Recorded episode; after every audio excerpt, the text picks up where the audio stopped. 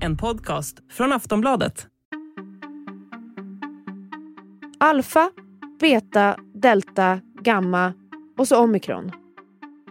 Ja, det är ju ingen fingerramsa utan WHOs lista på covid-19-varianter av särskild betydelse, som det heter. Delta är fortfarande dominerande men den nyaste varianten, omikron, väntas ta över.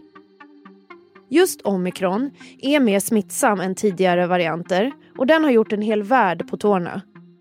Som i många andra länder så ökar smittspridningen även här i Sverige. Men den är inte jättehög och dödstalen är fortfarande på en låg nivå.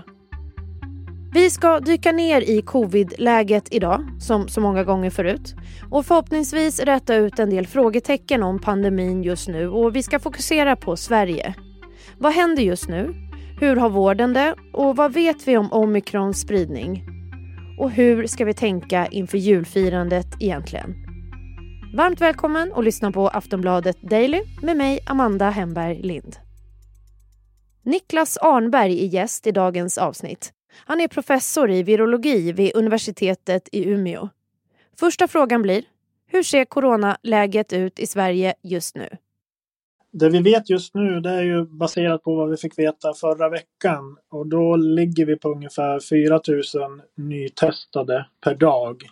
Och det är ju en ökning från vecka till vecka som vi har sett här nu egentligen. Så, och det är väl rimligt och förväntat eftersom vi eh, går in i vintern. Den här typen av virus sprids mycket mer effektivt när det är kallt ute. Och sen har vi den nya varianten också som också kommer att bidra ännu mer till smittspridningen framöver än vad vi har sett än så länge i alla fall. Men jämför man Sverige med många andra länder så är det fortfarande så att vi ligger förhållandevis bra till med förhållandevis lite smittotal.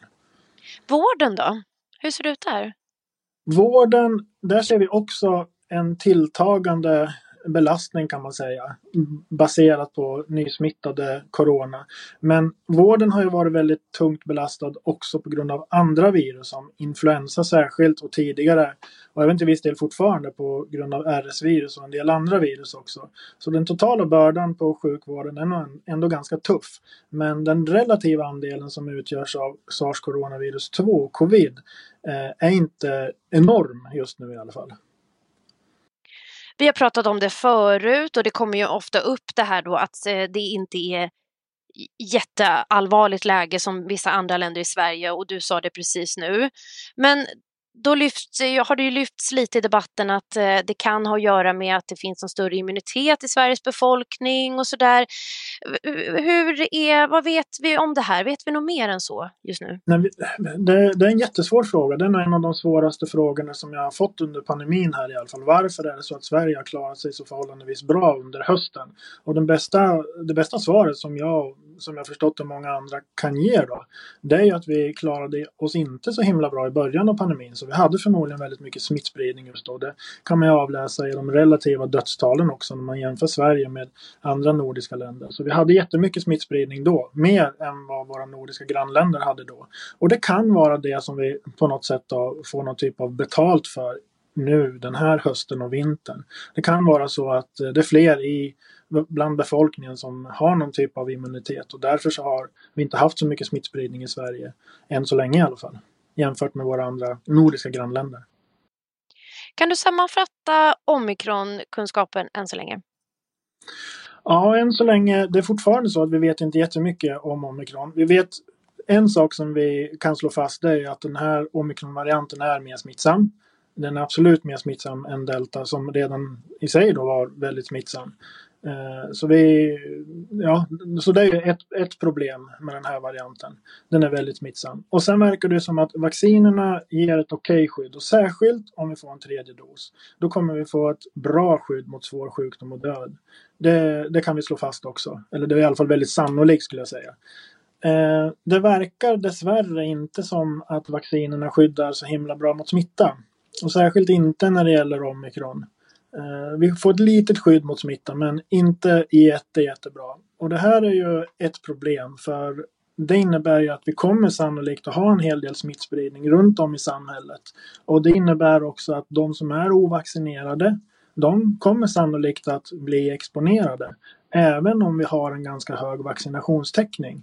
Och det är ju det här då som gör att vi fortfarande är lite oroliga för hur saker och ting kommer utvecklas i Sverige nu under vintern. Det finns en risk för att det är många som är ovaccinerade, som blir infekterade och som blir svårt sjuka och eh, belastar sjukvården. Danmark ska vara ganska bra på att kolla sina omikronfall. Hur bra koll har Sverige då på omikronspridningen? Sverige har ganska bra koll skulle jag säga. Det är ett fåtal andra länder som testar mer än vad Sverige gör och variantbestämmer så att säga. Det är Hongkong som är överlägset bäst just nu. Danmark är klart tvåa kan man säga och sen har vi Sverige någonstans på femte, sjätte plats där vi variantbestämmer ungefär 20 procent just nu. Det här verkar variera en hel del över tid också. Så tidigare har det varit så att vi har variantbestämt uppemot 40 procent av alla prover. Men det varierar en del och just nu så ligger vi tror jag på 20 procent ungefär. Och det är ändå ganska bra. Det innebär att man bör få en hyfsat bra bild om hur vanlig omikron är i Sverige. Men 20 procent, är det 20 procent av fallen som är omikron? Ja, det är alla av dem då som testar positivt som visar sig vara som, som man går vidare och variantbestämmer. Sen är det en ganska liten andel av dem som än så länge har visat sig vara omikron. Eh, så i Sverige har vi fortfarande förhållandevis lite omikron jämfört med till exempel Danmark och Norge.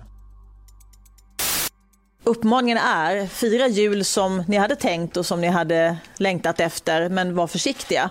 Sen kommer vi att behöva ta hänsyn till de nya scenarier som kommer på, på, på måndag från Folkhälsomyndigheten och, och därefter kommer vi att kunna ge ny kommunikation. Men det är inte avsikten att det ska vara någonting som då förändrar julen.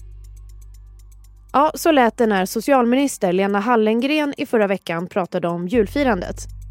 Men i nästa stund så hintade hon om att det kan komma fler restriktioner, troligen den här veckan. Men som sagt så ska inte julfirandet alltså hotas. Men för att dra lite vad som gäller nu då i restriktionsväg så är det bland annat att testa sig efter att man rest utomlands, arbeta hemma i viss mån och sen att hålla avstånd i offentliga miljöer. Men så är det här rimliga, rätta eller överdrivna tilltag i frågan? Vi ska höra virolog Niklas Arnberg igen. Jag tror att det är ganska bra avvägt just nu i givet situationen som vi har. Men det är också glädjande att höra att myndigheterna hela tiden är på tårna och flaggar för att eh, införa mer rekommendationer och restriktioner. Eh, och det här baserar sig ju på att vi ser en tilltagande smittspridning även i Sverige och vi ser hur eh, tufft det har varit och fortfarande är i många andra länder. Så jag känner mig ändå trygg med att vi gör det vi kan göra och vi kommer göra det som bör göras också. Men flera länder stänger ju ner igen. Hur ser du på mm. den åtgärden då?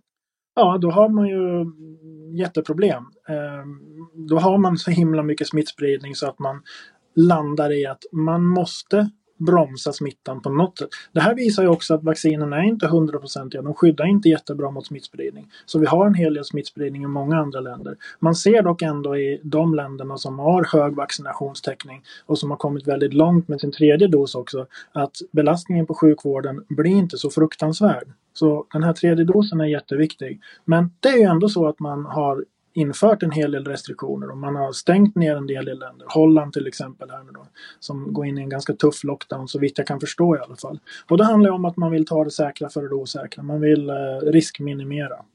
Och det är en tuff situation. Men framgent då, blir det lika illa för oss som till exempel Norge eller?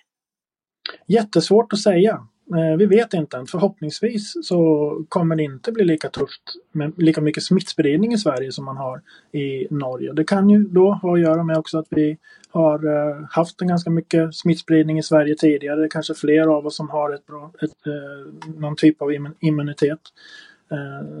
Men vi vet inte. Det, det är fortfarande mycket som är osäkert. Dina bästa råd då inför julen? Vad kan du skicka med oss? Ja, det är väl fortfarande det här att man kan hoppas och tro att vi har det värsta bakom oss. Den optimismen tycker jag vi kan bära med oss in i julhelgerna.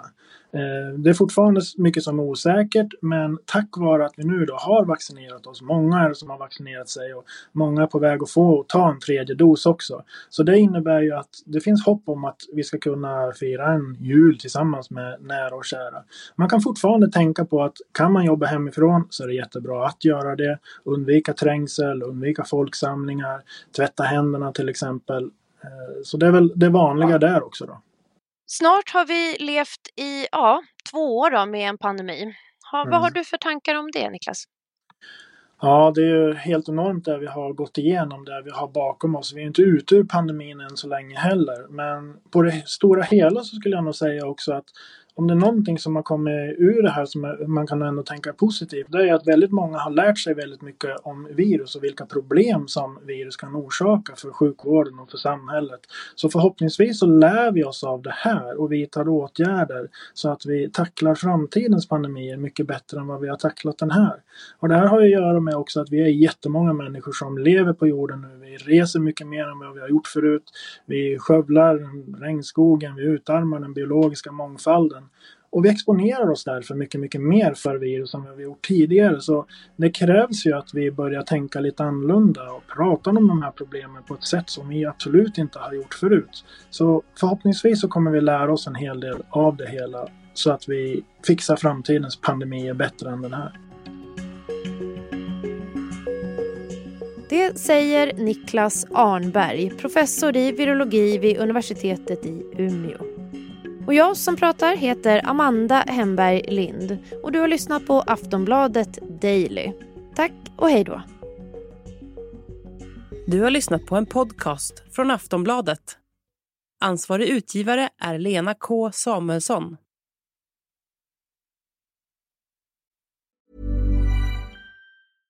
Ryan Reynolds här från Mint Mobile. Med priset på nästan allt som går upp under inflationen, trodde vi att vi skulle bring våra priser down. So to help us, we brought in a reverse auctioneer, which is apparently a thing.